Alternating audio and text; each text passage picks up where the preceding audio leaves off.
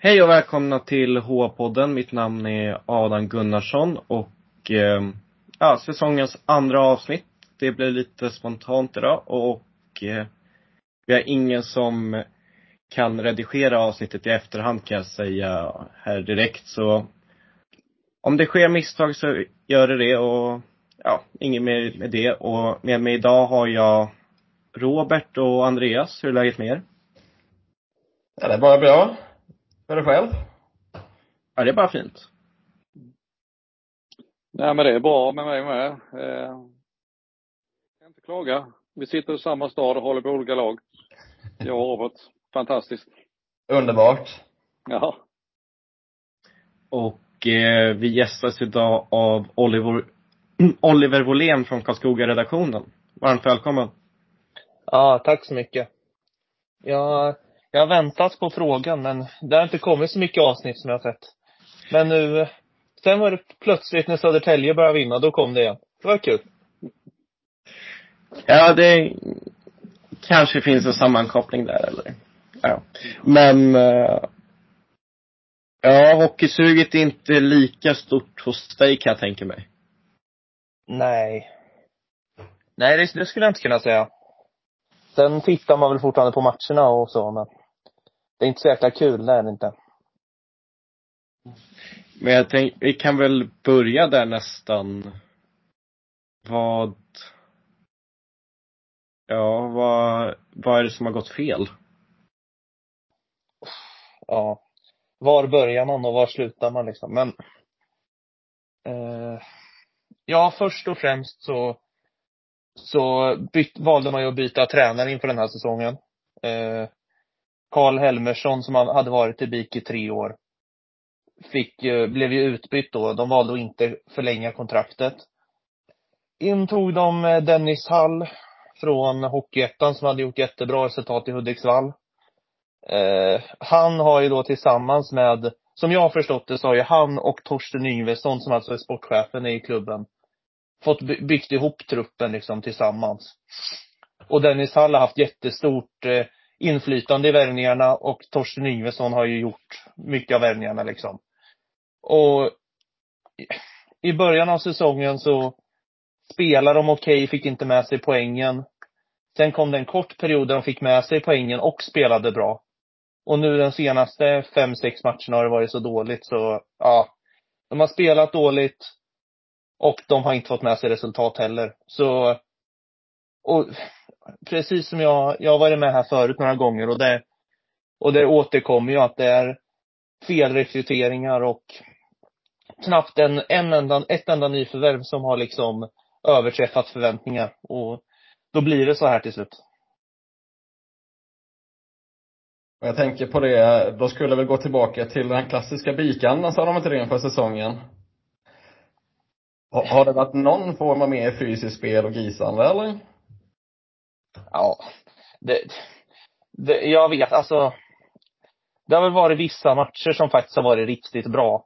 Och som det faktiskt har varit lite tuffare spel, lite mer intensitet och sånt där.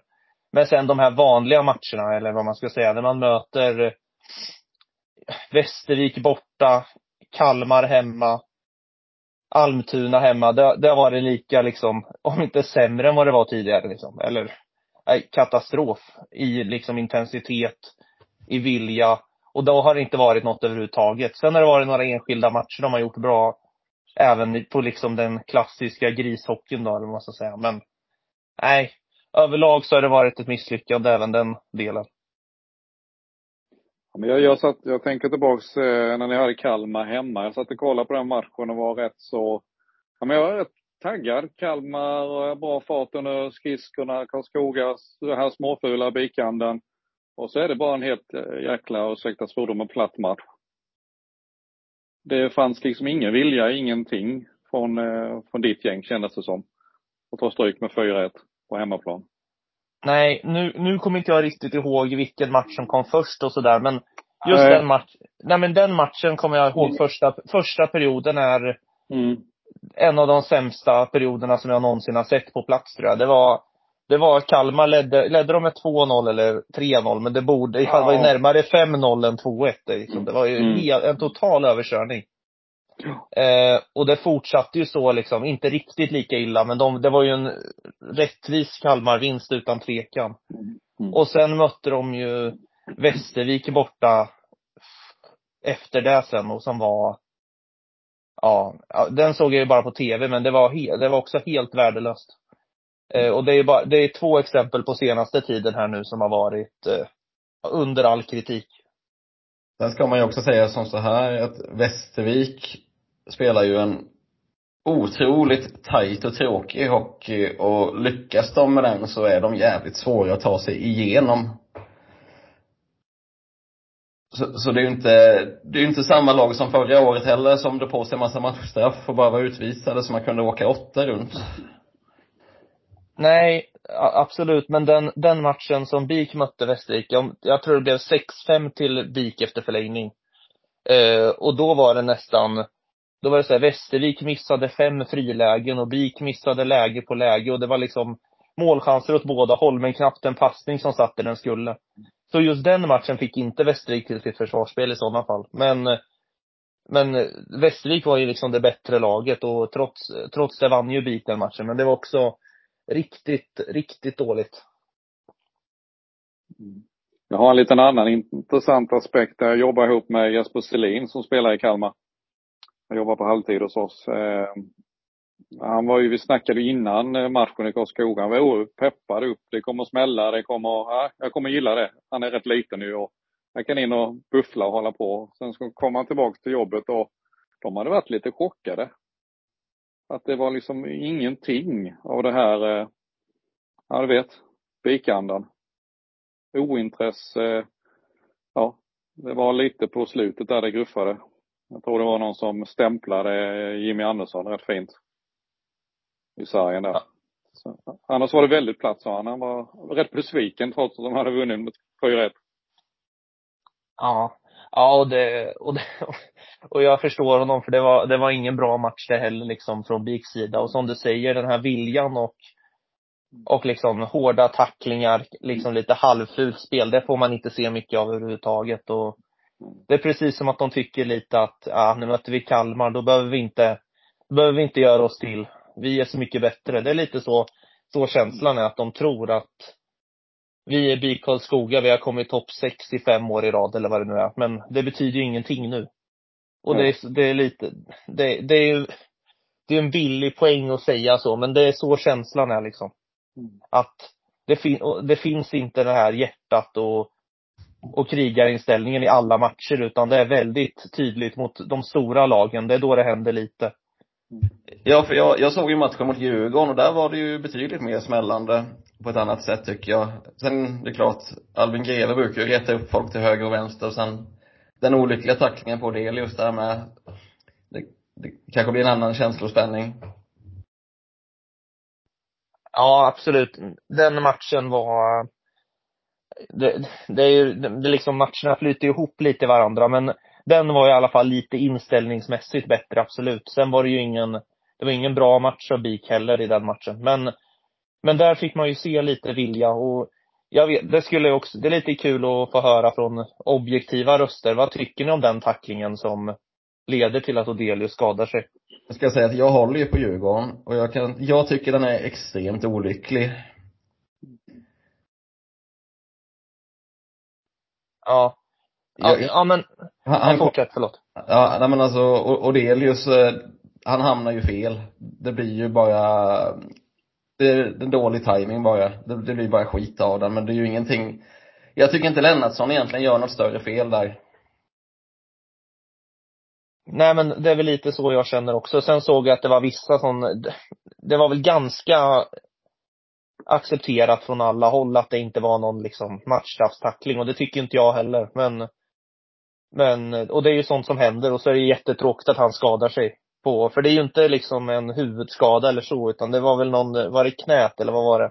Ja, precis. Så han, han är borta ett tag till nu. Eh, men som sagt, det, det är ju ren jävla oflyt. Mm. Ja men så är det ju. Ja, men jag håller med dig Robert, vad du säger. Det är, det är en oflyt. Hela situationen. Jag har inte vevat den som ni har gjort kanske. Men eh, jag har sett den x antal gånger. Men när vi ändå är inne på det, vad tycker ni om matchstraffen efter matchen? Efter guffet där? Ja. ja. Alltså, det är återigen, man vet ju inte vad som sägs på isen och vad som händer, men att, då, att jag tycker att det är lite överdrivet att ge, vad heter det, avstängningar. Sen om det blir matchstraff eller inte, men att ge avstängningar två och tre matcher som det var liksom, det, det tycker jag är överdrivet för sådana situationer, för det är ju ingen större skaderisk. Eh, Medan du kan få två, tre matcher för en huvudtackling lika gärna. Så, så det där förstår inte jag. Eh, hur, hur de liksom kommer fram till straffens längd. Eh, det är väl lite så jag känner. Nej, jag kan hålla med dig. Jag hade kunnat köpa att de fått en match. Möjligtvis. Bara för att statuera exempel i så fall. Men, men, samtidigt vill vi ju ha känslor i hockeyn och eh, absolut efter så lång tid att eh, nu ger sig ju GW antagligen på Lennartsson där för tacklingen på Delius. Och det är ju mycket känslor där. Men, eh, ah, så, så en match hade jag kunnat köpa för det. Ja, men alltså en match eftersom att det sker i slut, alltså när matchen redan är slut, så att det blir ett straff, det kan jag hålla med om. Men, men det var ju några, var det Lennartsson och Greve som fick tre matcher och sen fick Liss och Hampus Plato två matcher var det. Det tycker jag är, nej det, det är överdrivet. Faktiskt.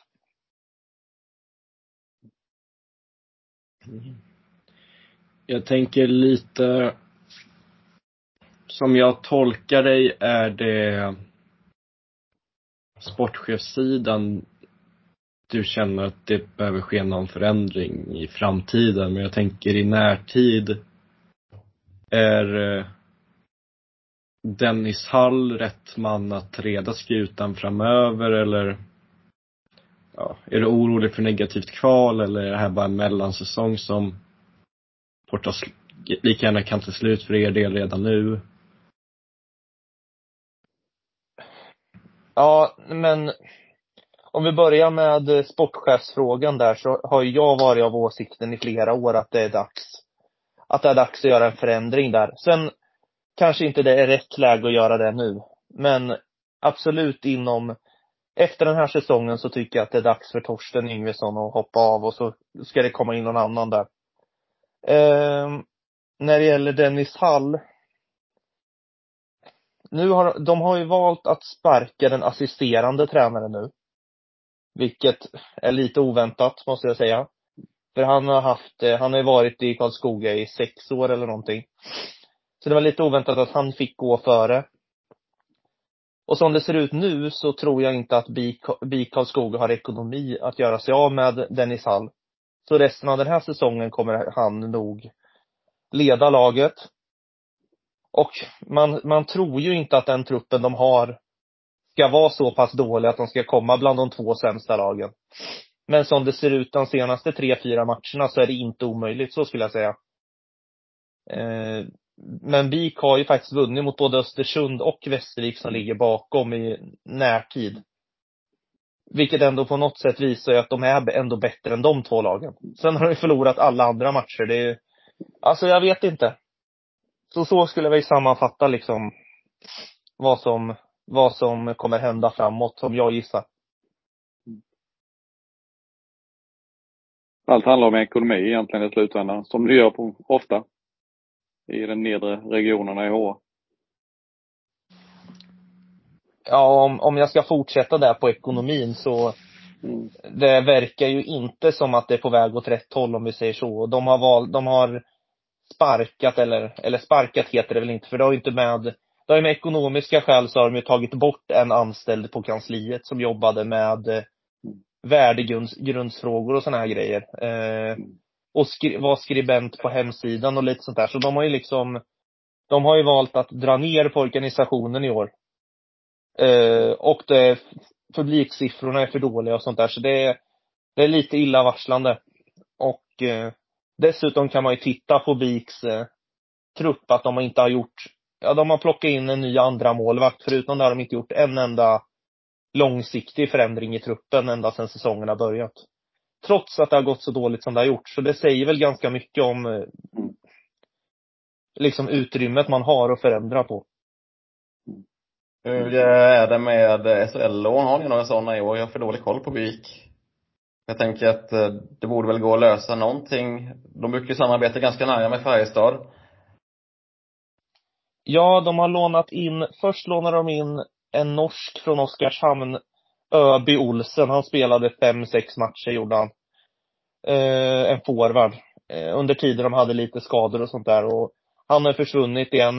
Eh, just nu har de en ung forward som heter Theo Kjellin, tror jag det uttalas, som har varit i Djurgården och är nu i Skellefteå, tror jag. Han har väl spelat 10-12 matcher, men det är ingen av dem som har färgat, utan det har ju varit eh, fjärde kedjespelare typ.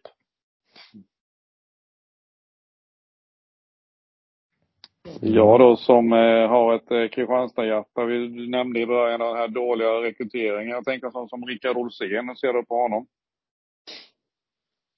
Ja.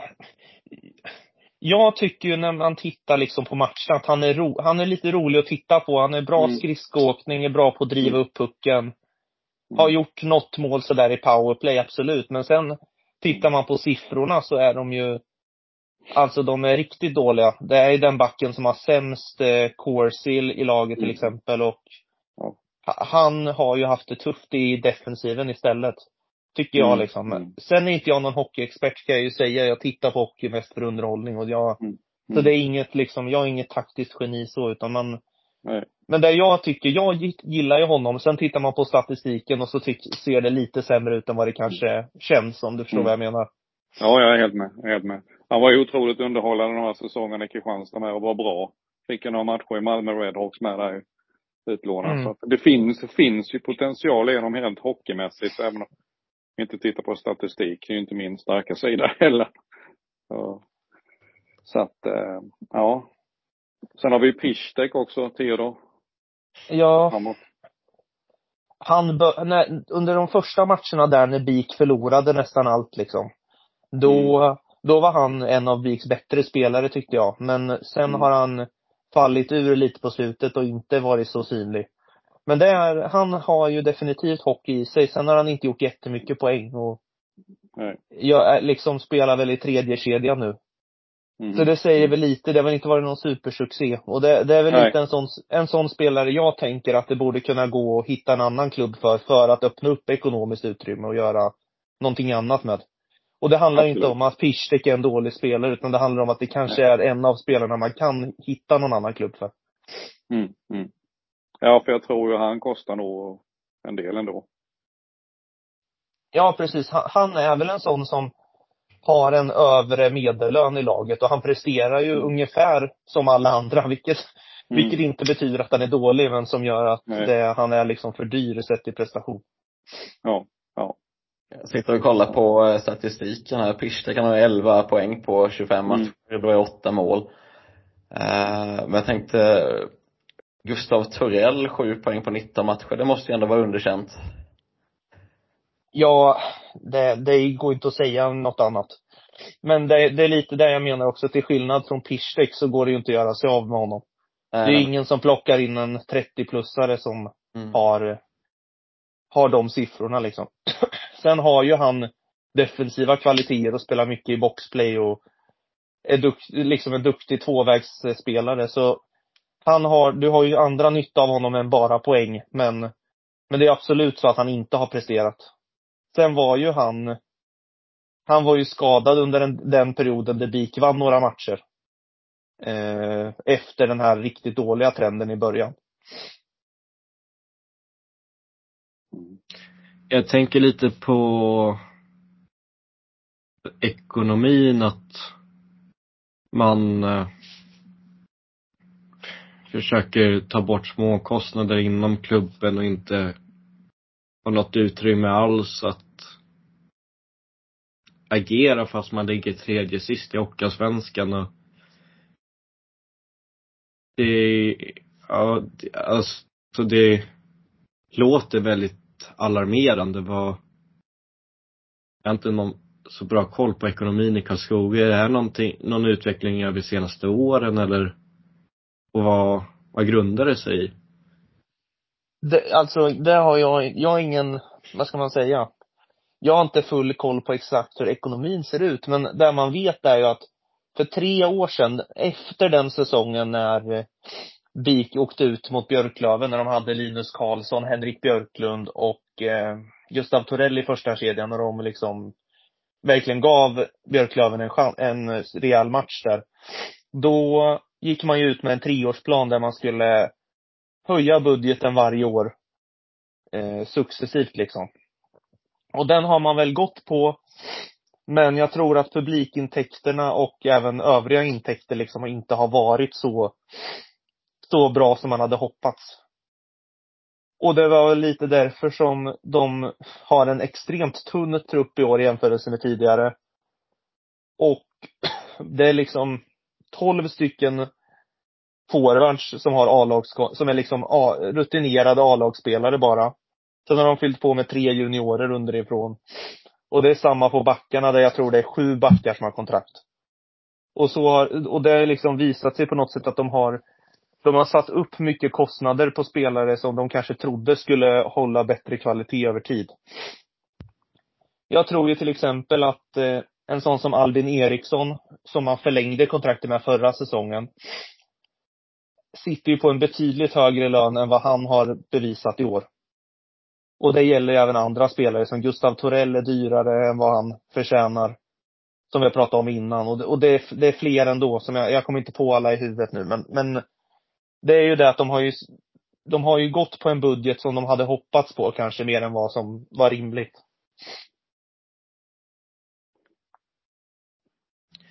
Ja.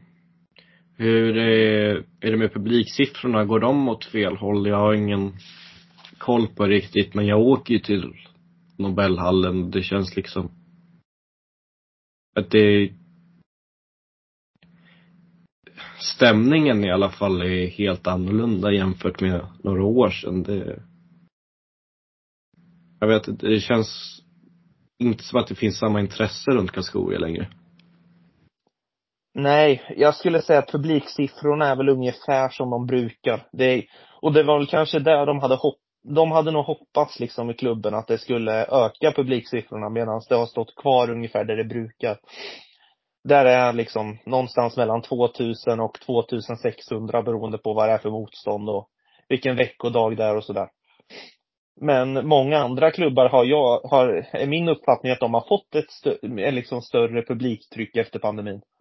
Men när det gäller BIK så har det inte varit så i alla fall, utan det har stått ganska still. Eh, Robban och Andy, har ni några sista frågor kring BIK? Nej, jag känner att jag har fått svar på ganska mycket så jag är ganska nöjd. Mm. Ja, jag känner väl samma sak. Sen är jag helt övertygad att de kommer att fixa mitt kontrakt. Behöver inte vara orolig. Mm. Ja. Oliver, har du något att lägga till omkring Karlskoga? Nej, men det, jag tycker väl lite att ni har väl, ni har ju ställt rimliga frågor liksom och det är ju det som är problemet. Problemet har ju varit att halva truppen blev utbytt. Vilket var fullt rimligt eftersom att många från förra säsongens trupp inte heller liksom presterade som de skulle. Men nyförvärven som har kommit har ju underpresterat allihop. Och jag är ju tyvärr inte lika övertygad om att det kommer vända uppåt för att även om truppen är bra på pappret så är trenden nedåtgående och som sagt, det finns inte mycket ekonomiskt utrymme att göra förändringar. Så, så vi får väl, vi får väl se. Nej, och det, det kan jag ju tala av erfarenhet att även om man har ett lag är bra på pappret, är harmonin är inte bra så äh, hjälper det inte så mycket för att när det går emot och man kramar klubban hårdare, till slut så skiter det sig bara. Så det är, det är klart att det finns andra lag som har eh, lyckats ta sig ur det, men Djurgården har ju misslyckats två gånger nu inom 15 år så det, det är inte så lätt, även om du har kvalitetsspelarna på pappret. Nej, precis. Nej, precis. Eh, Oliver, ditt ljud, det blir lite eko nu. Ja, jag märkte det. Är det bättre nu eller? Ja, nu är det bra. Bra, bra. Jag skulle tillägga någonting, Andy? Nej, Eh, Jag baserar att de klarar sig kvar på att jag tycker att både Östersund och Västervik är sämre hockeylag helt enkelt. Vad jag har sett. Yes. Jag tror Eh, faktiskt men- som du Andy. Vad sa du? Jag, jag håller med dig i, i slutändan. Sen sen är det ingen snack om att det är en besvikelse. Så är det. Yes, men eh, då tänker jag att vi skiftar samtalsfokus och Oliver, du får fort, gärna fortsätta vara med om du vill. Eh, Ja, jag stannar kvar en liten stund till. Jag har en grej sen om en halvtimme ungefär. Men jag vet inte längre när jag tänkt snacka gärna. Ja, du, det är bara att säga till när du lämnar sen. Men, Yes. eh, ja, om vi ska gå, till, Rob, nu. Ja, jag får nog klippa lite ändå kanske. Ekar det för er? Nej, det är ingen fara. Okej. Ja, men om vi går till dig Robban. eh, Nybro och Djurgården brukar du följa rätt frekvent. Hur? Men. Eh, ska vi börja med Nybro kanske, som eh, gjorde sig av med Eskil Wold nu häromdagen. En uh, värvning som inte slog riktigt väl ut. Han uh, avgjorde ju ett derby mot Tingsryd, men annars så har ju inte han färgat och han hade ju problem i finska ligan innan han kom, så det var en rätt uh, ifrågasatt värvning redan innan och eh ingen var väl direkt förvånad när han försvann. Eh, sen är det ju ett par andra killar som har försvunnit. Brandhammar hamnade ju i Väsby och eh, Simon Eriksson, en personlig favorit från förra året som tyvärr inte höll i tempot i Allsvenskan, som nu är i Mariestad. Eh, men de fick ju in eh, Jakob Grönhagen från Kristianstad. Han gick ju in i en första kedja med en gång och började ändå producera lite grann. Eh, spelmässigt, alltså, jag tycker väl inte de har imponerat spelmässigt, men de hittar ju sätt att ta poäng hela tiden och det, har, det är väl cred till framförallt division 1-spelarna. En sån som Janne Väyrynen har ju öst in mål och jag måste, där får jag faktiskt göra en pudel för det trodde jag inte alls på inför säsongen, efter vad jag såg förra året. Även Lyuksiala och eh, Savilahti har ju fortsatt göra poäng i Allsvenskan så ehm, Adam Persson var grym i fjärde kedjan som en tvåvägscenter. Så, så eh, precis som i Kalmar där får man ju säga att Hockeyettan-spelarna, de flesta har ju verkligen lyft sig till den här nivån. Sen, sen blandar de ju och ger såklart. De slår Brynäs ena dagen, sen får de stortorsk mot Södertälje. Eh, kommer de att stanna där de är i tabellen? Jag tror de kommer till dala några placeringar till i slutändan nu när andra lag börjar klättra. Men, men eh, jag tycker helt klart att det är över förväntan så här långt. Tycker de att det är en jättebra start på säsongen. Jag måste få säga också en sån som Daniel Ljungman har ju faktiskt växt i mina ögon. Jag såg han förra året i, i Kristianstad då. Tittar man på han så har han gjort, han gjort 12 poäng, 4 plus 8 på 24. I Kristianstad gjorde han 11 på 48 förra året. Så där har ju hänt något med honom. Han är ju en talang. Han har varit i SSK med va? Om jag inte helt, minns helt fel. Ja, det var några matcher i kvalet mot Troja. Mm. Grejen med Ljungman är, han är lite, jag får inte riktigt fingret på honom. Han har en, fantast, han, han har en fantastisk skridskoåkning. Han är snabb och han är rent ut sagt majestätisk och teknisk. Jag tycker han har alla verktyg, men ibland undrar man lite om man har spelsinnet. För rätt som så kan han bara trilla, alltså han, han står ju framför mål i powerplay, eller har gjort. Och rätt som det så bara kör han över, backar han in i målvakten utan att se sig om. Och eh, fastnar ibland. Ibland är det bättre, ibland är det sämre. Men, men jag, jag tycker att han är lite för ojämn i sina prestationer även om, om eh,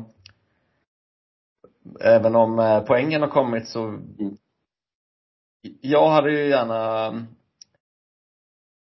han kan spela mycket enklare än vad han gör. Det känns som att han kör fast sig ibland. Mm. Mm. Ja, men då var nog du och jag satt, var det inte i slutet på sommaren eh, Robban och jag snackade Väyrynen där, Janne? Ja, är han väldigt, vi sågade han rätt rejält. Ja, gud ja, gud ja. Det, jag begrep inte den förlängningen och jag vet att jag inte var ensam i Nybroläger. Eh, men som sagt, han har inte den mest fantastiska skridskoåkningen och det går inte så snabbt, men fortsätter han göra mål så eh, det är ju det han är där för. Ja. Eh, Marenis gör ju mycket poäng, men jag tycker det mesta kommer i powerplay. Jag tycker en fem mot fem tycker jag han är ganska blek. Det jag sett av honom. Uh, så, så på det stora hela så, nyförvärven tycker inte jag har färgat jättemycket. Moldén tycker jag har varit väldigt upp och ner. Bondesson har varit upp och ner. Det är Hugo Fransson som är inlånad från HV som har varit rent ut sagt dominant. Uh, Hugo Styf har ju, har ju tappat mark. Honom trodde jag mycket på inför. Men han har ju varit åsidosatt stundtals. Niklas Nilsson har ju varit den kanske mest stabila. Men det är sån där back som spelar enkelt och gör det bra i båda riktningarna. Eh, Tex har varit grym.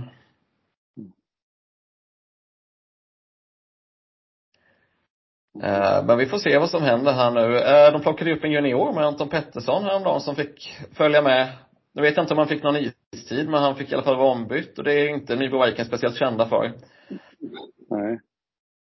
Så uh, det var kul. Det är en, jätte, ja. det är en jättetalang. Han, han, jag såg honom en del i J20 i fjol och han var överjäklig. Ja men det är roligt att de eh, vågar lyfta de unga killarna. Sen får de inga minuter så får de vara med i omgivningen i alla fall. Ja, det är ju lärorikt bara det. Mm. Kristianstad hade ju fyra egna produkter senast mot Borås. Det har inte hänt på många år. Nej, nej, så är det ju. Så är det ju. Uh, jag vet inte, har ni några frågor om Nybro där eller uh, ska vi gå vidare? Ja, det är ju derby imorgon. Ja, är du på plats eller? Jajamän. Härligt. Jag jobbar tyvärr kvällspasset. Så det är, jag får följa det på telefonen. Ja.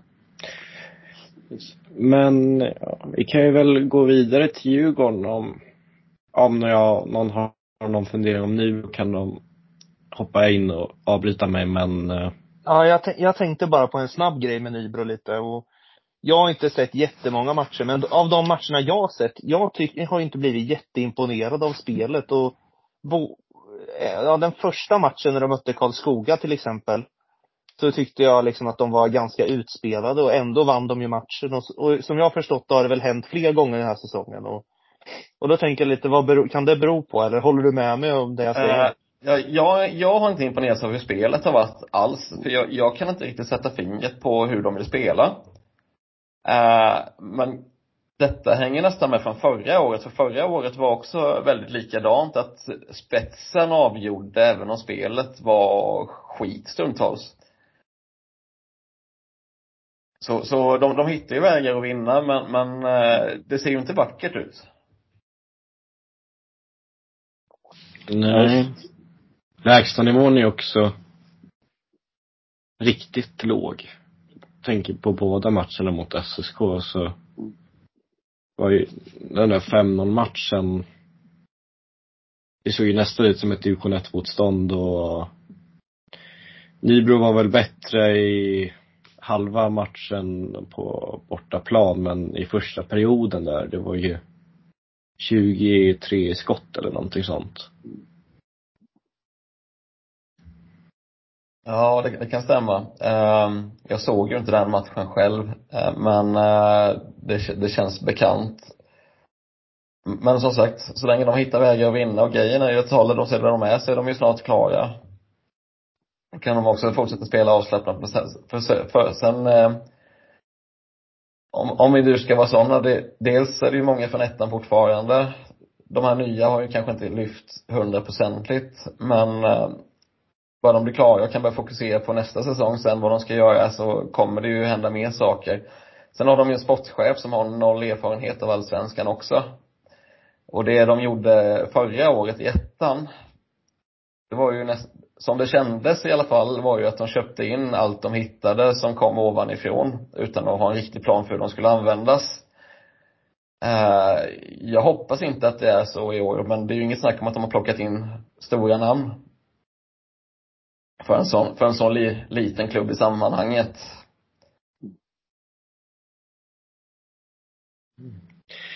Yes.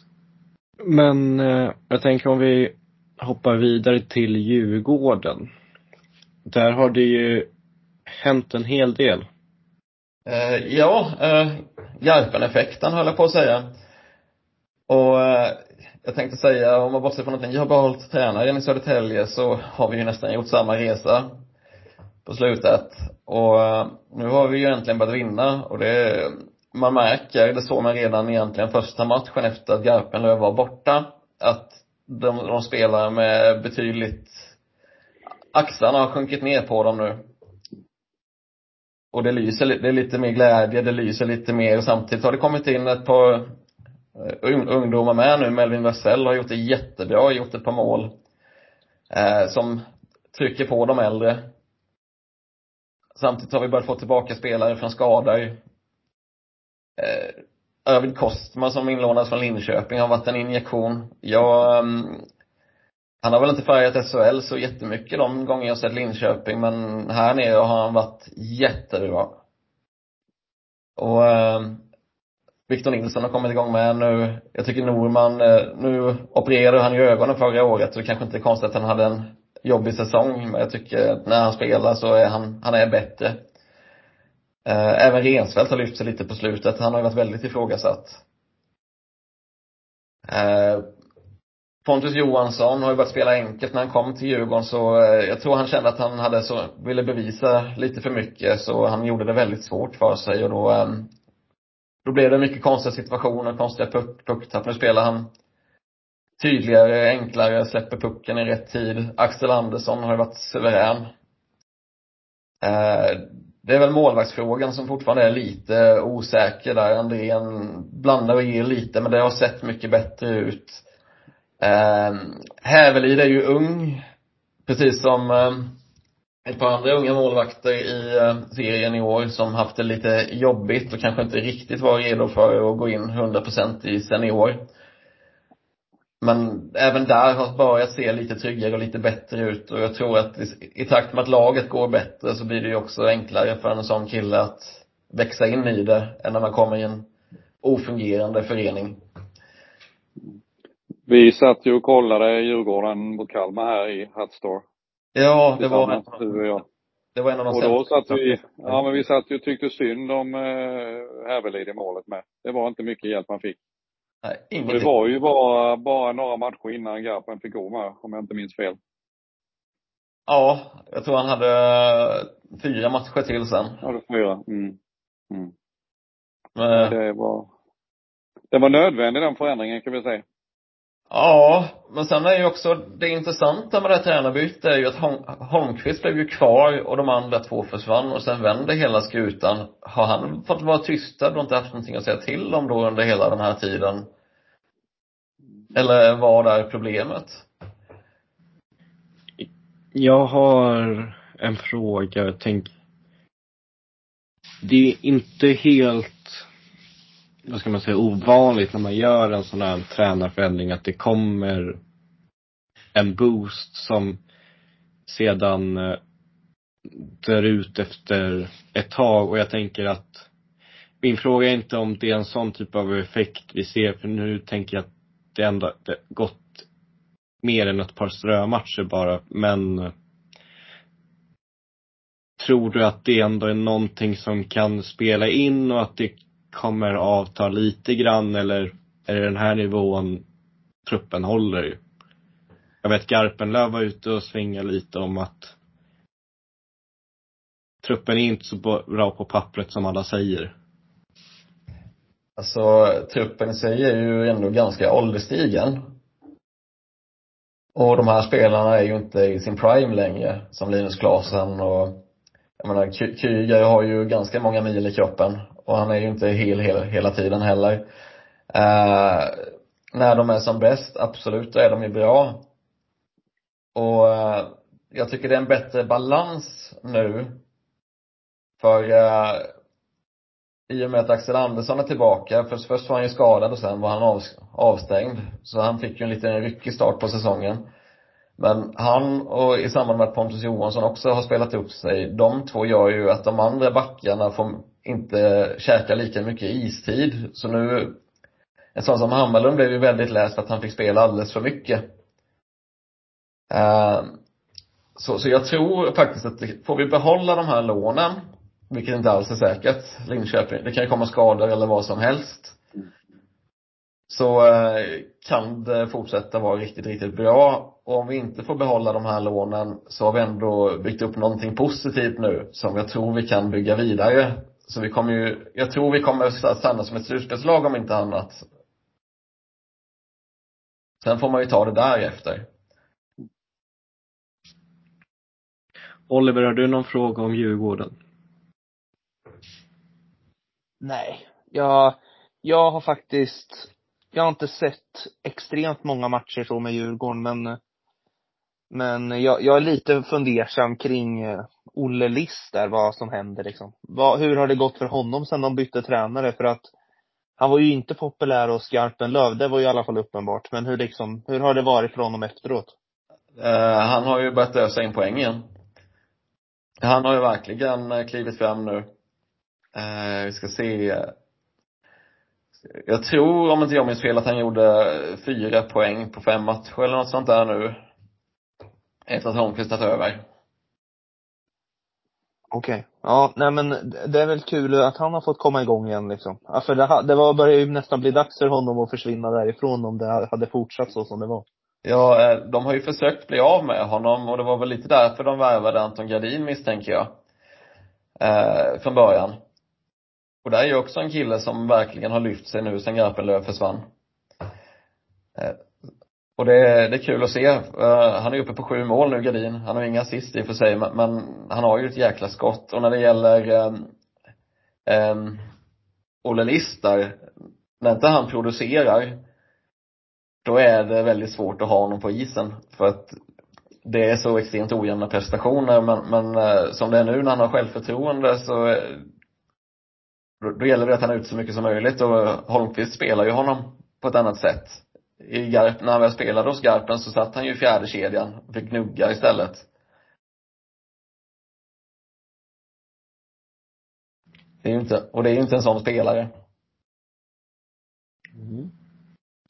Ja, om jag kommer ihåg rätt, när vi spelade in eh, precis innan premiären så tippade du Djurgården 2 och SSK 1.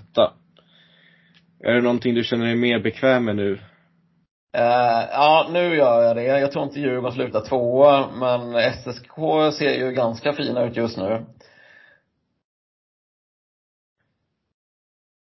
Ja. Yeah. Uh, för de som inte kan se det här, men vi har någon som ser väldigt lycklig ut just nu. men, uh, tror du att det kan Men tror du Djurgården, ser du dem som en SHL-utmanare om det fortsätter så här? Om Löven fortsätter eh, knacka. För de har ju verkligen gått ner sig och Brynäs har ju kommit in i serien nu och börjar få det jobbigare trots alla stjärnor. Så kan de vara det. Jag tror inte Mora orkar hela vägen. AIK och Västerås har ju varit på tok för ojämna också. Så eh, de kan vara. Jag hoppas att de är det. Men det, det får ju tiden utvisa. Ja. Får bara hoppas att det inte blir SSK-Djurgården i en slutspelsserie för då blir det väl sju matcher utan publik. ja, just det. Att de inte bara tömmer sektionen där är ju otroligt. Men sen att nå någonting måste ju hända där så att folk inte får med det in. Ja, det, det har väl att göra med att de är rädda för att tredje man ska bli, hamna i fara om de tömmer borta sektionen. Men det är samtidigt när alla ska ut samtidigt, det är också en rätt stor risk. Ja, ja visst är det det. Och då kommer ju förbannade supportrar från andra sidan också. Så det, det, de eldar ju bara på det kan jag tycka. Ja. Ja. Det. Ja, och det. Ja, jag, jag är nog beredd att hålla med även om jag har suttit på möte med supporterklubben, klubben och Södertälje supporterpolis men ja. ja. Nåja. Vi får bara konstatera att det är synd att några få idioter som vill synas får förstöra för så många andra helt enkelt. Ja, ja, ja. Det, ja, det, så är det ju. Det, jag förstår, jag förstår inte heller riktigt grejen med att tända en blink, även om jag inte tycker att en blink utgör någon fara. Det, det blir inte i närheten av samma effekt som i fotbollen där det tänds massa bengaler samtidigt. Det, det skulle ju aldrig vara möjligt i en inomhusarena så. Ja. Nåja, det där, det där kanske, lite sidospår men eh, Andy och Oliver, har ni någon fler fråga, några fler frågor till Robban om Djurgården? Ingen fråga, men jag kan väl hålla med dig där Robban att eh, Djurgården kommer att klicka upp lite hack. Eh, för det kommer inte vara någon andra plats det tror jag inte. Men i ett slutspel kan de säkert vara jobbiga att möta. Ja, alltså jag håller ju lite med om det här med slutspelet. Att, jag menar förra säsongen gick de ju till final och då var jag inte alls imponerad innan dess alltså. Så det, det kan ju, det är ju så, i ett slutspel så kan ju de här äldre spelarna lyfta sig lite så också. Och, eh, och fortsätter det som det gör, då vet man ju inte, då kanske, kanske de går hela vägen. Men eh, jag vet inte. Det, det är svårt att bedöma nu. Det är långt kvar till slutspelet börjar liksom. Mm. Ja visst är det det, men sen, det finns ju sparkapital. Eh, Daniel Brodin har ju inte alls kommit igång till exempel, fortfarande. Eh, men det, det är bara att hoppas och se, men eh, vi ska nog kunna vara med på en topp femma i alla fall kan jag tycka, när det väl är sagt. Men tittar man på tabellen här med dem framför mig så ligger de på, de är väl de som har 22 matcher spelade bara, Djurgården. Och ligger på 38. Brynäs ligger 23 matcher och etta då, 47 poäng. Så alltså lite vinster här och lite förluster med sig. Ja, det är ju rätt otroligt att vi är med som vi är trots den starten. Det säger ju ändå någonting, för alla slår ju alla i år. Det är ju verkligen, eh, det är sjukt att ingen har stuckit. Jag, jag spelade lite på eh, oddset i början där, men jag har lagt av med det. Det gick ju, gick ju inte att få in någonting rätt, för alla slår ju alla.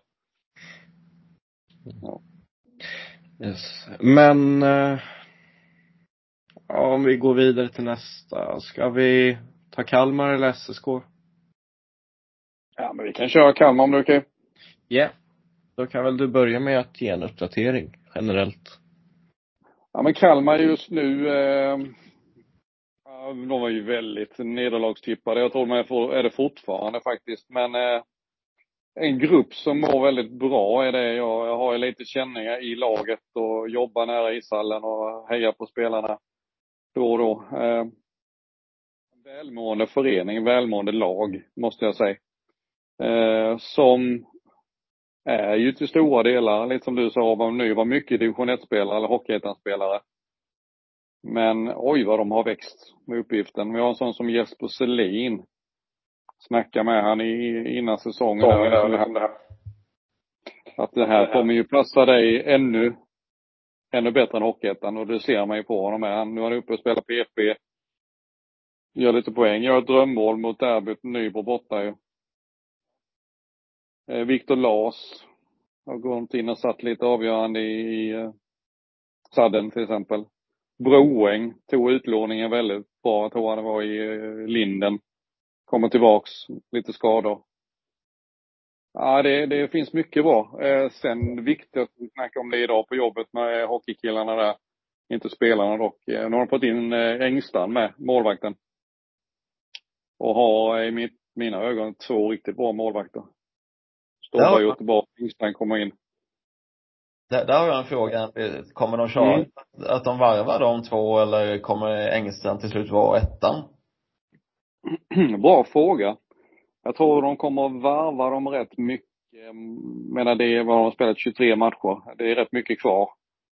Eh, jag tippar på att Engström kommer att ta första spaden så småningom. Om det väl hettar till och när det hettar till. Och, eh, men de kommer att hålla Stålberg varm när det behövs. Och han är ju inte rädd heller, Turola, coachen, att eh, byta ut sina keeprar under matcher heller. Eh, jag kan tycka det, men vi såg ju, sett några matcher med Hällnemo när han stod. Alltså det var ju, Det var ju en sån, en sån osäkerhet, osäkerhet. i, i hela, hela, ja, på isen helt enkelt när han stod. De senaste matcherna här med Engstrand och Stålberg så är det en helt annan stabilitet och eh, ja, man slappnar av på ett annat sätt. Sen har de, jag måste säga, de har, har ju en hel del import och där, men vi kan inte låta bli att nämna mannen med det nästan omöjliga namnet, Theo Charidis. Jänkaren. Som har ju verkligen varit en, en lyxsam värvning. Och vad var det han ville ha för honom stolt? Han sa att han hade 10 miljoner, 10 miljoner ska vi ha för honom, sa han i barometerna. När det började ryktas om SHL och det ena med det andra. Han är ju väldigt viktig, även om han har haft en liten dipp nu så, eh, ja, han är ju ryggraden. Bakifrån och framåt. Helt enkelt. Erik Norén också en back som har växlat upp enormt mycket. Eh, framåt. Ja, Selin nämnde jag. Bra.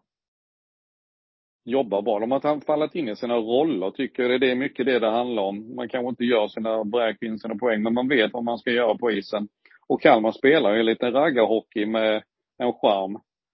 Och lyckas de stänga mittzonen i matcherna som de gjorde i vägvinnande i Hockeyettan i fjol så, så eh, då blir det bra. Då har de också chans att sätta sin press framåt och ligga på. För de är skridskostarka. Hela vägen. Och det smäller. Jag har en fråga om Mm. mm. Viktor Turala Mm. och vad din bild är av honom för jag skulle nästan kunna hävda att det är tränaren som fått ut mest av spelarmaterialet i ligan hittills. Jag vet inte om du håller med om det men Ja men det gör jag faktiskt. Eh, det jag har fått till mig om Viktor eh, genom åren, har ju varit i några år här nu.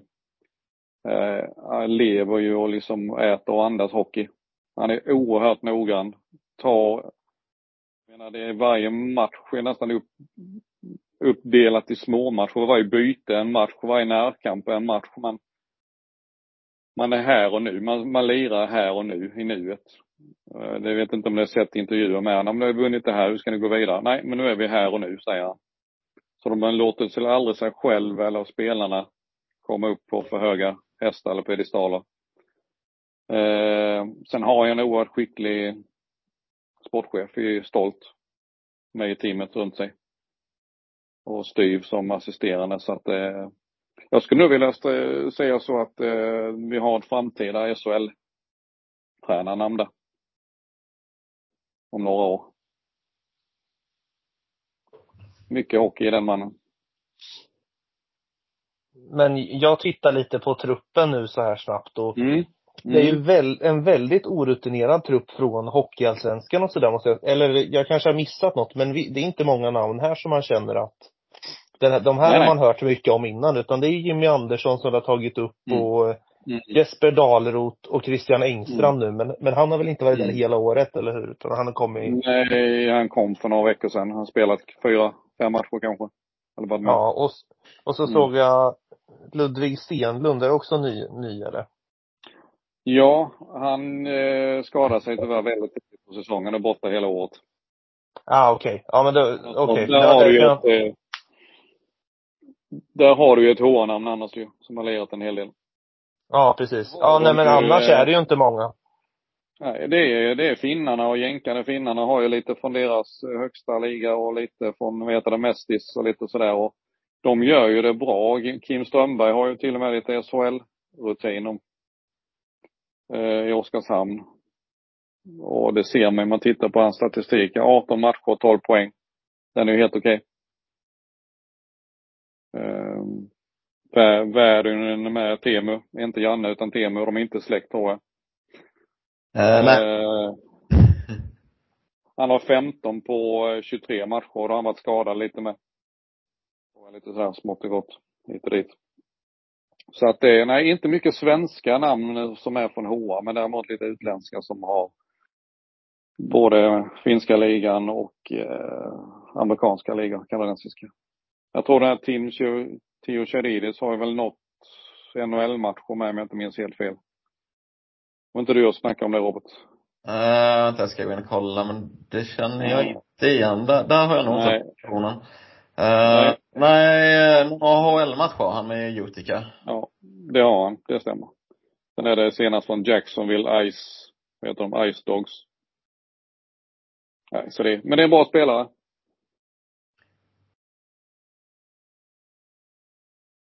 kommer det säkert att hända saker längs resans gång.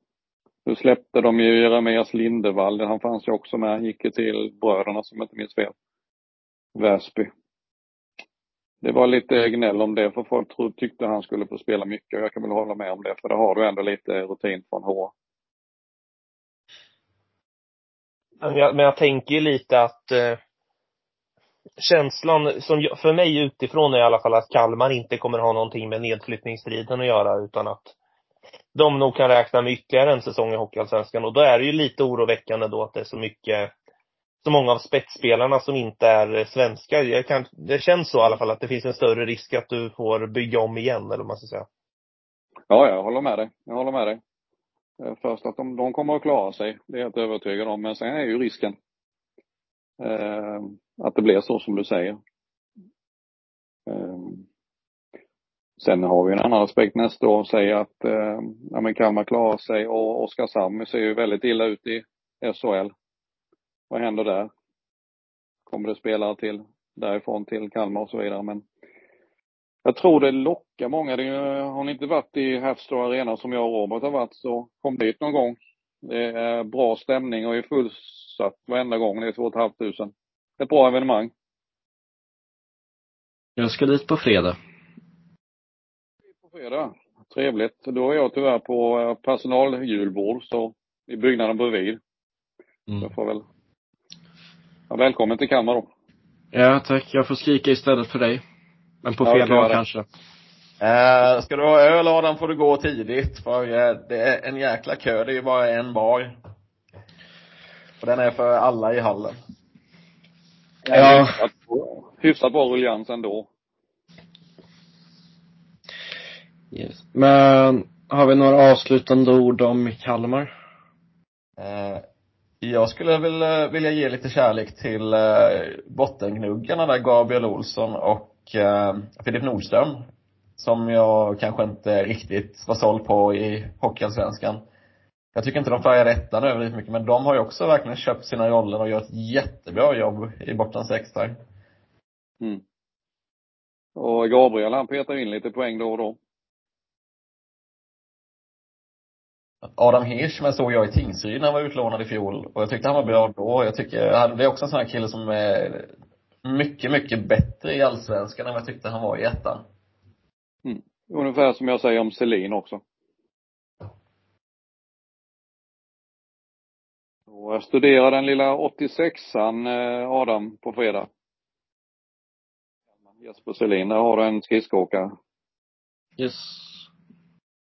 Eh, är det Ottosson tillbaka från skada nu eller? Jag läste på barometern idag, de var ju och kollade upp inför derbyt imorgon. Han var på is idag, Sebastian Ottosson. Ja, han har ju också ruggigt bra. Ja, han började väldigt haltande, men sen har han ju in i det. Lite skador, han har nog ont verkar det som. Jag vet inte vad det är. Men eh, han är viktig för gänget. Han var på is idag i alla fall, så får vi se imorgon. Ja. Men eh, Oliver, har du någon fundering till Kalmar ytterligare? Nej, det, det har jag inte. Yes. Eh, Men om vi går till kvällens höjdpunkt. Den var väl precis va? Jag ska äntligen prata Brynäs nu, vad skönt. Ja. Ja, nej men eh, Man har ju lite små hybris just nu. Det är väl inte så konstigt kanske men man har varit med förr så är lite orolig om jag säger för mycket att jag får äta upp det vid nästa avsnitt men eh, jag kan eh, ja ja det jag tror jag såg tabellen att SSK vi ligger både 5, 10, 15 och 20 senaste matcherna är vi det laget som har plockat flest poäng. Tvåa nu med en match färre än Löven som ligger trea. Och det är också rätt vi pratade att det är sjukt att Djurgården ligger åtta. Men SSK och Djurgården var ju på runt samma poäng när det gick tungt för båda. Så, ja. Och jag tycker väl egentligen att eh, det är inte jättemycket som skiljer nu, nu från, från, eh, när det gick, lite tyngre i början. Jag Jag tänker, tänker, det är som, det som nu ekar jag för mig själv själv igen, det, så det- det är ingen som hör så. Nej då. Nej, nej, nu försvann det. Nej, men eh, det som fick det att gå tungt, det är för mig två anledningar. Det är special teams. Och det är väl, powerplay börjar komma igång mer och mer, men boxplay är fortfarande rätt bedrövligt om jag får vara ärlig. Och sen målvaktsspelet. Och där, om man pratar, ja, Scholl har en hyfsad räddningsprocent. Han ligger hyfsat till sett till insläppta mål per match. Men de kolumnerna kommer ju också variera baserat på hur bra försvarsspel du har. Men om man tittar på förväntade mål emot och hur många mål laget faktiskt släpper in så ja, det så ser man ganska tydligt att målvaktsspelet var en stor brist de första 15 matcherna. Men det har lyft sig lite senaste tiden. Och jag tror det har hjälpt en hel del. Sen eh, så märker man också att när det börjar komma lite segrar så kommer självförtroendet mer och mer i en del killar. Speciellt kanske spelare som Dyk och Blomstrand. Och ja, det är på något sätt så ett maskineri som börjar tugga igång. Eh, och den, det poängsnittet man har nu senaste tiden, det är orimligt att det skulle hålla över 52 matcher. Och jag tror att jag är fortfarande orolig över boxplay. Och jag tycker även om powerplay börjar komma igång att det, det är inte riktigt där det bör vara om, när man har spelare som Widell, Eriksson, Dyk, Blomstrand. Och sen eh, Ja, jag tror att det skulle, om det kommer en riktigt bra målvakt på marknaden så skulle jag inte klaga om man började, skulle hugga där för skulle man få in någonting riktigt bra där då skulle det se väldigt bra ut. Nu, tycker, nu, nu låter jag väldigt gnällig efter tio segrar på elva matcher men ja, ja, ja, jag vet inte. Det känns så surrealistiskt att se på tabellen och se att vi ligger tvåa, även om det bara var ett år sedan. Men ja. Det var, Du låter, du låter gnällig Adam, men tänk nu, liksom ligger tvåa här nu och du säger att det, det klickar inte riktigt i special teams och så här, eller boxplay, powerplay. Men när det väl kommer, när det ska börja gälla, vet du, i ett slutspel sen och det klickar. Då blir ni farliga tror jag ja, Ja, kommer, kommer målvaktsspelet och special teams igång då då skulle jag nästan hålla SSK som favoriter. Men har inte Scholl spelat upp sig i samband med att laget har spelat upp sig? Ja, så jag är inte efter de första 15 omgångarna så tänkte jag väl lite att om man vill någonting så kommer man behöva agera på målvaktssidan. Den ståndpunkten har jag inte riktigt fortfarande. Men jag skulle inte hålla Scholl som en av de bättre i ligan på något sätt och jag känner att det är fler matcher målvaktsspelet har sviktat kanske totalt över hela säsongen än när det har stämt. Och ja, jag är kluven och så jag, man, man, man ska inte pa, det är ingen att göra någon panikvärvning. Det behövs inte, men jag tror att om det skulle komma någonting riktigt bra på marknaden så jag skulle ju definitivt kunna se att det är värt att investera en del pengar i det. Eh. Är det först eh, målvaktsbiten du känner att man behöver förstärka eller finns det någon annan lagdel? Ja. Eh, Eh, en back skulle behövas och först var det ju en det är, det är lite tudelat enligt SSK-supporterna om de första 15 omgångarna om det var försvarsspelet eller målvaktsspelet som inte stämde. Jag tycker det är ganska tydligt när man tittar på statistik och SSK har ändå varit ett av de starkaste lagen i fem mot fem är ditt underliggande siffror hela säsongen. Så, men jag känner att eftersom vi är sju backar just nu, åtta när Veti Vainio är tillbaka, men han kan ju liksom vara med i två matcher och sen är han borta två månader igen. Så jag tror att inför ett slutspel behöver man bredda backsidan. Eh, Sen man ska väl Kommer det någon bra center på marknaden, Hugo Gustafsson får inte spela så mycket i Växjö. Det är dumt att tacka nej om det går att låna honom, men jag tror, jag tror inte det är någonting man behöver leta aktivt på forwardsidan.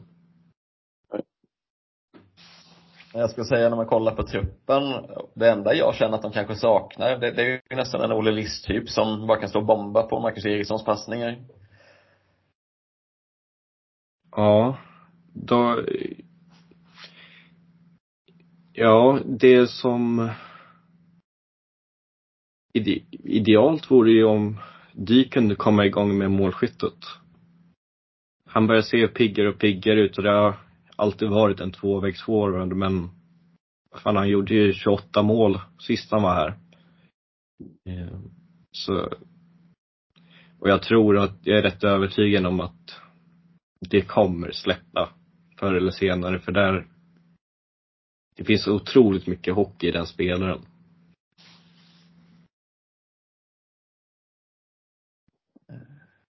Men är, är det någonting de har ändrat lite, twitchat lite i spelet de, eh, nu sista tiden eller?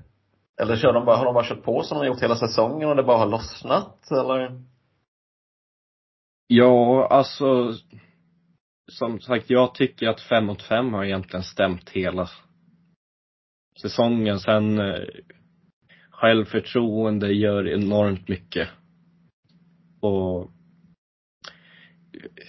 det märker man även på spelare som eh, Videll och att eh, när det börjar trilla in lite mer poäng i till exempel powerplay så blir han lite farligare där.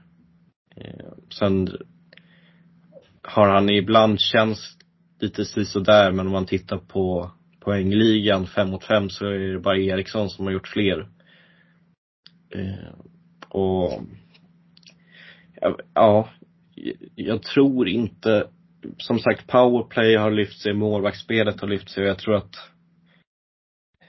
det är en marginalsport. Det gör rätt mycket.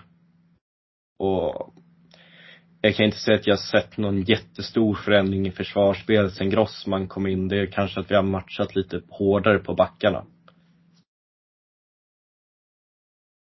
Och när du ändå pratar backar, eh, hur tycker du att Hedström har varit sen han kom in? Ja, han gjorde en rätt bra första match. Jag kommer inte ihåg, jag tror det var Brynäs hemma. Sen mötte vi Björklöven två dagar senare och jag tyckte att han var, hade en rätt dålig match. Men, ja, han har spelat mer och mer stabilt. Du har ju koll på vad det är. Det, det är ingen spets på något sätt men det är en breddspelare man, som man vet vad man får av. Ja, för, för, för det som vi, som vi skrev i eh, vår chatt där, eh, när, när jag såg honom i, när han var i Västervik, när de mötte Södertälje, då var han ju enorm. Och när man såg honom då kunde man inte fatta att han inte fick spela eh, på sex backar i Djurgården när de hade skador. Men det, det är väl jämnheten helt enkelt. Ja, det, ja, men jag tycker han har varit en stabil femte, sjätte, sjunde back. Eh, Sen, men det var nog, det är nog inte den där spetsbacken Georgsson har sagt att han letat efter men, ja. Han har ökat konkurrensen. Och, ja, kommit in. Och det har behövts för backsidan var ju rätt tunn redan från start. Vi började ju med sju backar. Och att Veti Vainio skulle gå sönder var ju bara en tidsfråga egentligen. Eh, sen, sen har du ju nästa grej där efter eh, Västervik, Södertälje. Stilus Matteus kom ju in där ganska snabbt. Vad har han till? Mm. Ja, alltså jag får inget riktigt grepp om honom för han har gjort en hel del poäng senaste åtta matcherna tror jag. Han ligger runt en poäng per match och det vågar jag nog lova att han inte kommer göra resten av serien men det Ja, alltså Ja, jag, som sagt jag har svårt att få ett grepp om honom, honom för det finns ingenting jag tycker att han är riktigt bra på men det finns ingenting heller jag kan säga att han är riktigt dålig på utan han är rätt mångsidig. Och sen han fått ett lyft. Han har spelat som center senaste tiden. Ja, det har sett lite bättre ut än när han började som ytterforward, men ja. Alltså han, han är väl mer rivig av sig i sin spelstil. Det är ingen spetsforward direkt och, och det ser okej okay ut. Då måste jag ju flika in lite där. Eh, Thomas är inte här och frågar om han är Kristianstad-spelare, så jag måste ju fråga om Viktor Grahn då. Ja, eh, han tycker jag har växt under hela säsongen. Och senaste tiden tycker jag att han är en av de bästa backarna i laget och jag tycker att han borde få spela lite mer. Mm. Eh, det, han är rätt säker i egen zon. Det är en smart spelare ut, kanske inte den mest fysiska, men han ligger rätt i banan, han vinner lösa puckar och han han gör inte så mycket poäng kanske. Nu har han ju gjort några mål för ovanlighetens skull, men han är skicklig i det sättet att han sätter igång spelet snabbt från egen zon. Betydligt bättre än många andra backar i den här ligan på att transportera puck och det jag tror även om han inte är så ofta hamnar i assistprotokollet så han är orsaken till många anfall och kontringar. Mm. Han har mycket tredje assist om man kan uttrycka sig så. Ja, och det det var ju någon säsong han gjorde 20 poäng hos Seva utan att spela PP knappt. Ja. ja. Det stämmer.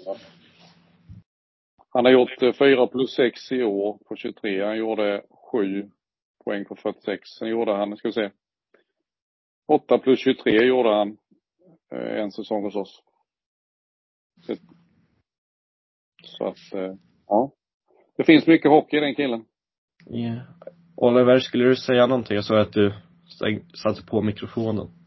Ja, jag tänkte lite på du sa att de letar efter en, eller att han har letat efter en spetsback och det, jag antar att det är fortfarande aktuellt om det inte har kommit in någon och och det, det kanske ska förstärkningar in någon annanstans. Vilka spelare liksom som blir, som kommer försvinna då? För du kan ju inte ha hur många spelare som helst på kontrakt tänker jag. Ja, om vi tänker på backsidan så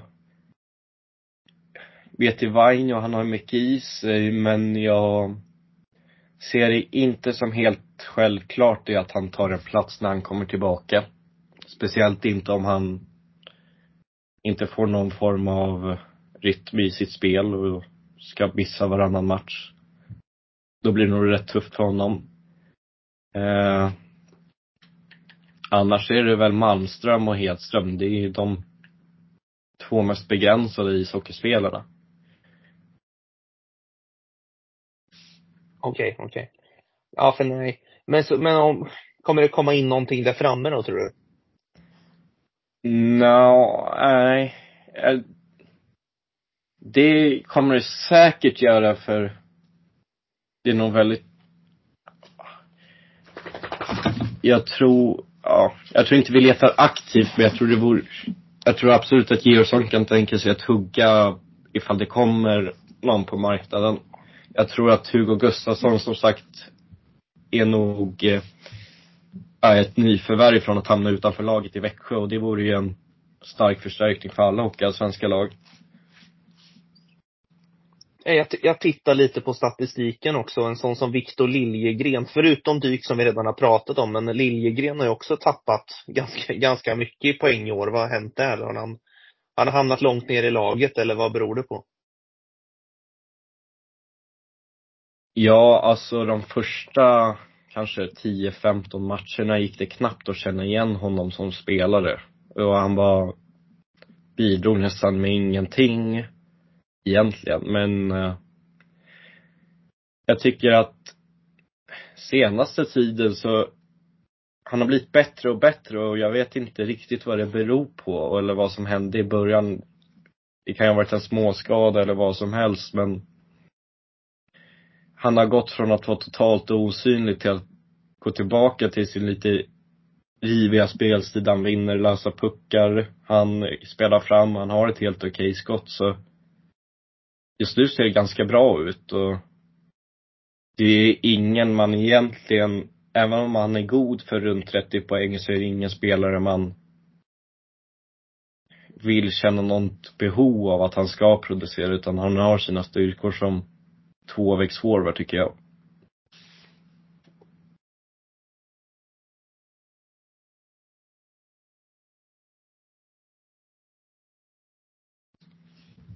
Yes. yes. Eh, men, men eh, om ni har något annat ska vi gå vidare då? Jag måste ställa en sak till. Om vi nu ska leva i det blå en liten stund till. Hur mycket samlar ni ihop och skickar iväg till Vita Hästen i pengar om ni går hela vägen? Som tack för Marcus Eriksson. Ja, det har jag inte tänkt på. Men, ja. Man kan väl få en bukett blommor kanske. Bjudna på efterfest. Ja, jag vet Det blir kassaren, det blir bara kassaren som blir bjuden då eller? Vad sa du? Det blir bara kassaren från i fjol då som blir bjuden eller? Nej, för ja. nu ska vi inte sparka på vita hästen. Det, det är tråkigt när det händer på det sättet, men jag kunde inte låta bli.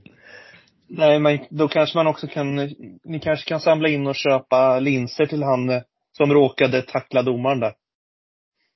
Omedvetet. Stackarn, han såg fel.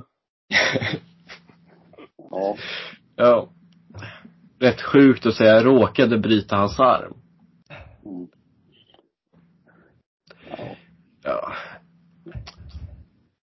Men eh, jag tänkte vi kan väl avsluta med att ta en liten titt på tabellen nu när vi har spelat en hel del omgångar och jag tänkte vilka tror vi hamnar på topp sex och vilka kommer på kvala neråt? Ja, Östersund känns ju tokgivna och Västervik ligger ju i riskzonen med där, så det känns ju som att de två nästan är klara för att kvala neråt. Uh, jag tycker, uh, alltså, topp sex där. Jag, jag tror ju att AIK och Djurgården kommer byta plats. Jag tror Nybro kommer trilla ner lite till. Men annars så är det ju Brynäs, Södertälje, Björklöven, Mora, Djurgården. Karlskoga är väl den stora besvikelsen hittills. Men, eh, för jag tippade ju dem som femma. Eh, men, men jag tror att det är inte så stor skillnad. Jag tror, det är några placeringar där som sagt, så annars så tror jag att tabellen är ganska satt nu. Jag, eh, om jag ska fortsätta där så håller jag med ganska mycket. Jag tror de som är topp fyra, alltså Brynäs, Södertälje, Björklöven och Mora, de kommer nog vara topp fyra. Och kanske då att Djurgården kan slå sig in och bli, att det är de fem som, det är de fem lagen jag tror nog kommer vara bäst. Sen tror jag AIK kommer tappa. Jag tror Nybro kommer tappa och då blir det väl Västerås som blir sexa då, tänker jag. Eh, och kvala neråt. Även om jag är pessimist så kan jag nästan inte liksom se framför mig hur Västervik och Östersund ska kunna rycka upp sig så pass mycket som krävs. Så jag tror det blir de två som kommer sist och näst sist. Så, ja, det är nog min gissning tror jag. Mm. Och jag är inne på mycket samma spår. Det blir Västervik och Östersund. Jag tycker de är i stort sett klara redan för playout. Ehm, topp toppen där, topp sex. Eh, samma sak som du då Oliver. Ettan till fyran kommer att ligga. De kommer att vara där. Sen kommer Nybro, Dala, AIK, Dala och Djurgården och Västerås kommer att klicka upp på de plattorna där. Nej, jag har samma botten två som er. Det, det är svårt att säga någonting annat, för jag tror båda har sju poäng upp till Karlskoga. Mm. Mm. Och sen med topp sex, det går ju inte annat än att säga att eh, de som ligger topp fyra nu lär stanna där. Eh, topp sex då. Sen kanske att Djurgården kan komma in och blanda sig in i topp fyra striden och men jag tror Djurgården klättrar upp på topp sex och jag är inte helt övertygad om vilket lag jag tror mer kommer dit. Jag, jag tycker att det jag sett av Kalmar hittills är väldigt bra och jag tycker att deras underliggande statistik och vad jag förstår av den så är den långt ifrån kattskit. Mm. Och jag håller dem inte så långt borta från AIK och Västerås. Mm. Och jag, jag väljer väl att nog sticka ut lite och säga att Kalmar slutar sexa. Snyggt. Kul. Ja men titta, det är ju otroligt jämnt i tabellen. Just nu AIK 38 poäng sexa, Kalmar 11 på 34 poäng. Och sen har vi inte pratat om att Tingsryd ligger nia på 35. Jag tycker de har imponerat jättemycket. Jo, sen har de såklart fått in Pontus Netterberg sent. De fick in Gustav Olaven när det inte blev något i Kristianstad. De är inte längre en enkedjeformation utan de, de, jag har sett dem rätt mycket i år. I och med att eh, farsan är uppväxt ute, utanför så åker vi dit ibland. Och ehm, sättet de tar sig an lag. De, de jobbar och sliter, de kommer hela tiden tillbaka. Det, det, är inte som förra året när de var väldigt valpiga och de inte kunde göra mål utan det är ett hot hela tiden. Mm. Men jag menar om man tittar då i tabellen och lite så som vi känner så kan man väl säga att topp 11 har något att spela för och de två sista redan är i kval. Då blir det ett lag kvar som är färdigspelade i år alltså. Ja. På tolfte plats. Du, du känner inget hopp om att det laget ska kunna klättra upp till en play-in-plats? Ja men alltså. De båda lagen framför är sex poäng före och de har två matcher mindre spelade och mycket bättre målskillnad. Så nej. Jag ser inte det framför mig just nu. Men man vet ju inte vad som händer. Med nuvarande konstellation ser jag inte det framför mig. Nej, det behöver öka någorlunda stor förbättring i poängsnittet då? Ja, eller att två av de lagen faller ihop. Det vet man det kan, Så kan det ju vara. Det kan ju vara så att Tingsryd och Almtuna till exempel inte orkar och så tappar de jättemycket i sitt poängsnitt istället. Men jag har svårt att, jag har svårt att se att det ska bli topp 10 faktiskt. Vilket är ganska sjukt, men så, det är så känslan är.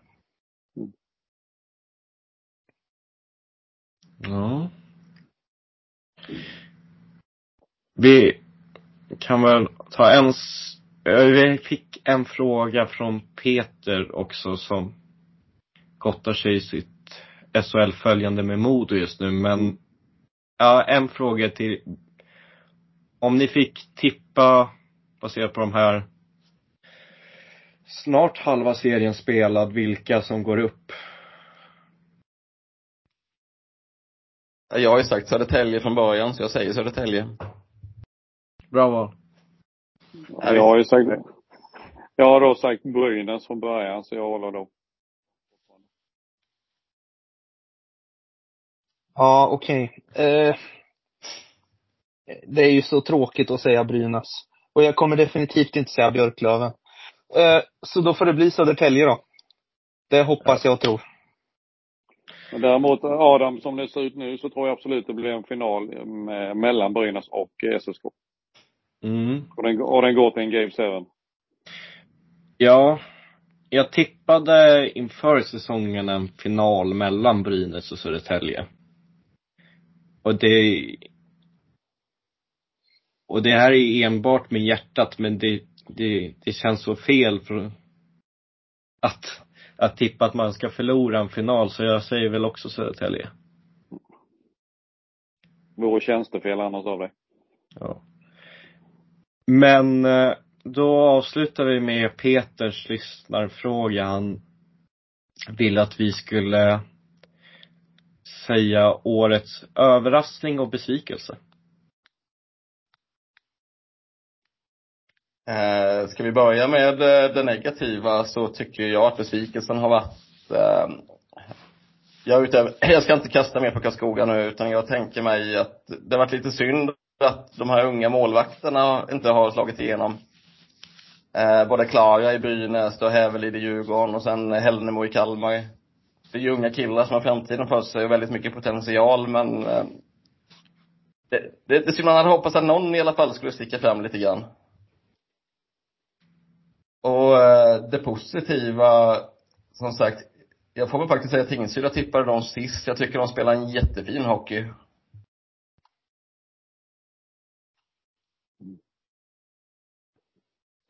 Ja, negativa från min del, det var lite som vi pratade om innan, det här med konstiga bedömningen i, i avstängningar. Ibland blir det en match, ibland blir det två, så blir det tre och så kan det vara fyra, fem matcher. Det har varit intressant att höra lite hur de resonerar ibland, men jag tycker det är, det är så ovisst för spelarna och för klubbarna när det händer sånt. Det var likvärdiga situationer och så blir det två matcher ena gången och fyra den andra. Det kan ju vara rätt avgörande. Och då glider jag in på mitt positiva. För att det är en så pass jämn serie. Det gillar jag. Det är liksom, det ska vara fight hela vägen in. Det är väl bara som sagt Västervik och Östersund då som är avhängda, som jag tycker. Men det ska vara jämnt. Det ska vara hetta. Men eh, bättre bedömningar i avstängningar. Ja. Eh, var du färdig förresten? Ja. Ja, eh, årets besvikelse för mig. Istället för att bara ta liksom hela situationen i BIK Karlskoga i stort så är väl största besvikelsen, ja, det finns två matcher och de har jag redan pratat om. Men jag skulle kunna säga då, för hela hockeyn liksom, hela hockeyallsvenskan så var matchen Västervik-Bikarlskoga för en vecka sedan ungefär, eller vad det var, två veckor sedan. Det var nog den sämsta hockeymatchen som har spelats i hockeyallsvenskan. Så den, det var nog årets besvikelse för mig. Det var så, det var bland det sämsta i kvalitet jag har sett. Eh, och årets, eh, vad sa vi? Årets besvikelse och årets eh, Positiva. överraskning. Positiv mm. överraskning, ja. Ja, det får väl vara Kalmar då kanske. Eh, att de lyckas så pass bra. De fick platsen sent. Och har liksom mycket sämre förutsättningar att bygga ett lag än alla andra och har gjort det så bra som de har gjort. Så det är bara hatten av oss och det är kul när det kommer lag underifrån som kan göra det också. Ja, om jag börjar med besvikelse så det är svårt att säga något annat för mig än eh, BIK Karlskoga. Det Ja, alltså vad ska man säga, det är misskötsel. Sen, eh, ja, både när man hör om ekonomin och att ens ligga tolva med ett material som ändå man tycker borde vara okej okay med HA-måttet. Det kanske är jag tror att när man valde att inte ens försöka förlänga med Helmersson så sa man någonting att man, jag vet inte om, det kanske du kommer ihåg bättre Oliver, men att man ska försöka byta tränare var tredje år, eller vad det nu var för att få någon form av nytändning och då kanske man ska fundera på en liten överdriven filosofi tyckte jag att det lät som, men om man tänker så så kanske en sportchef som har suttit i ett drygt decennium och börjar göra sämre och sämre ifrån sig. Det är kanske är dags att skifta där också.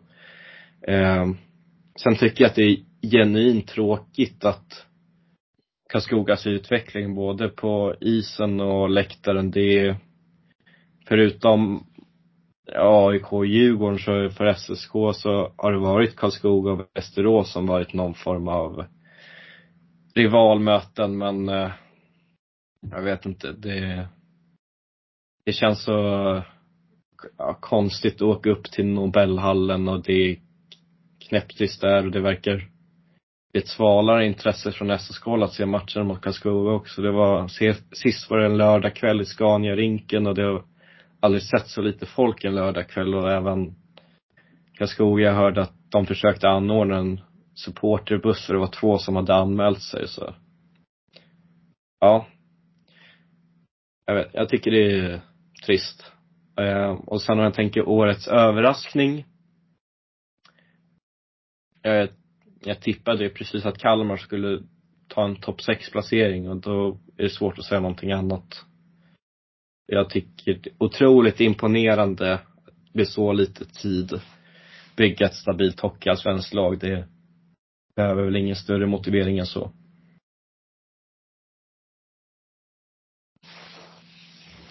Mm. Ja, är det någon som, någon som är få någonting sagt innan vi avslutar? Nej, jag måste dessutom ha funderat. Eh, SSK, Marcus Eriksson alltså. Vilket unikum den där mannen är. 38 bast är han Ja. Det är imponerande. Som sagt, eh, fundera hur mycket ni ska samla in till Vita Hästen. För Robert sa. Ja, det är sjukt att jag gnäller på boxplay och målvaktsspel och inte ens nämner den kedjan med Videll och Engsund. Det är, ja, mm. de bjuder på hockeygodis. Ja, det gör de. Jag är lite snopen att Engsund fick den toppcenterplatsen faktiskt. Ja, vem tänkte, tänkte du på Turdion eller? Ja, precis. Jag trodde Turdion skulle ta den. Mm.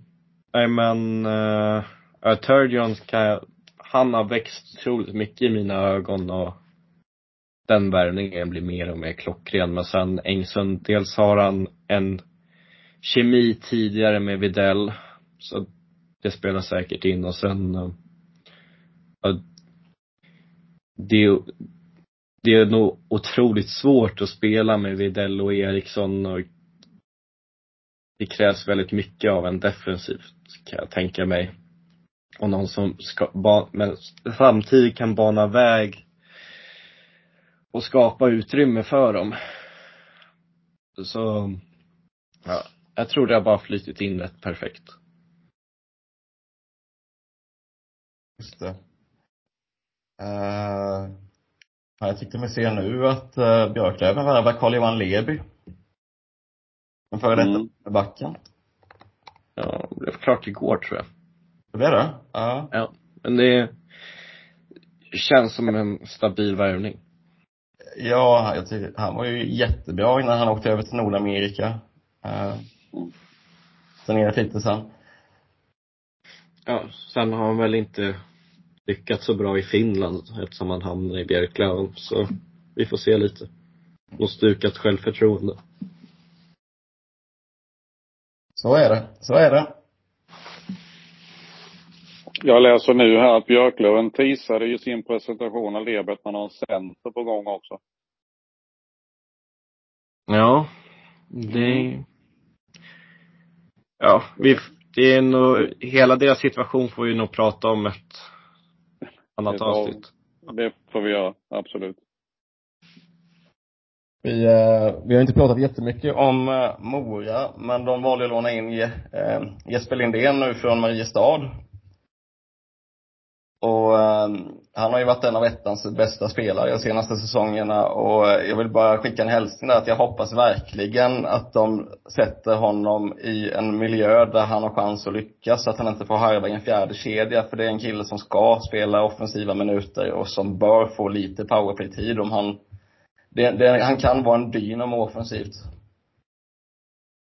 Honom kan jag väl från hans tid i Södertälje också, så det tror jag kan bli väldigt bra. Yeah. Yes, men, uh, ja. Har du något sista att du vill säga Oliver? Nej. Nej, egentligen inte. Jag tänkte bara när du pratade om BIK där förut så pratade du om eh, Karl Helmersson. Och det var väl bara egentligen att, säga, att säga att ha kvar honom hade inte varit en garanti på något annat, på att det hade varit bättre. Kanske bättre resultat, men ännu tråkigare hockey. Och det var han nog hela stan trött på. Honom och hans eh, sätt att se på hockey. Och det är ja. lite kul att, att det har blivit motsatt effekt i Västerås, för nu verkar det vara öppna dörrar åt båda hållen där istället. Vilket jag inte kan förstå riktigt, men ja, ja. Jag, jag kan väl bara förtydliga att eh, min poäng var inte om det var rätt att förlänga med Helmersson eller inte, utan mer att jag tycker att det är ologiskt att vilja skifta tränare efter ett visst antal år, att man ser det som ett måste, men samtidigt sitter sportchefen jävligt länge. Ja, ja jag, förstod, jag förstod att det var så du menade, men jag vill bara, jag vill bara säga det att jag hade inte velat ha kvar Helmersson. Yes.